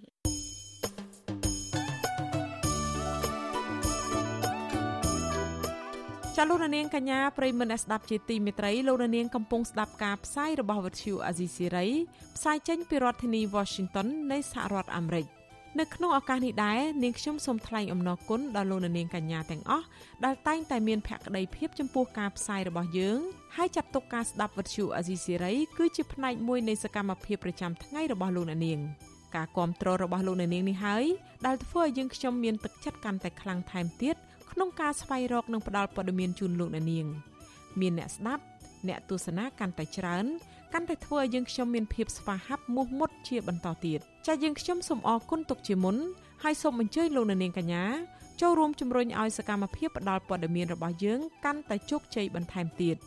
ចាសូមលោកអ្នកនាងជួយយើងខ្ញុំដោយគ្រាន់តែចុចចែករំលែកឬ share ការផ្សាយរបស់យើងនៅលើបណ្ដាញសង្គម Facebook និង YouTube ទៅកាន់មិត្តភ័ក្តិរបស់លោកអ្នក ដើម្បីឲ្យការផ្សាយរបស់យើង បានទៅដល់មនុស្សកាន់តែច្រើនចាសសូមអរគុណ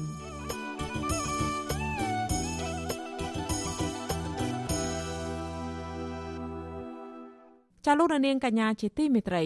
ការផ្សាយរយៈពេល1ម៉ោងមកនេះបានឈានមកដល់ទីបញ្ចប់ហើយ ចានាងខ្ញុំសូមជូនពរដល់លោកនាងកញ្ញាទាំងអស់ឲ្យជួបប្រកបតែនឹងសេចក្តីសុខចម្រើនរុងរឿងកំបីគ្លៀងគ្លាតឡើយចាសម្រាប់ពេលនេះនាងខ្ញុំខែសុណងព្រមទាំងក្រុមការងារទាំងអស់នៃវិទ្យុអាស៊ីសេរីសូមអរគុណនិងសូមជម្រាបលា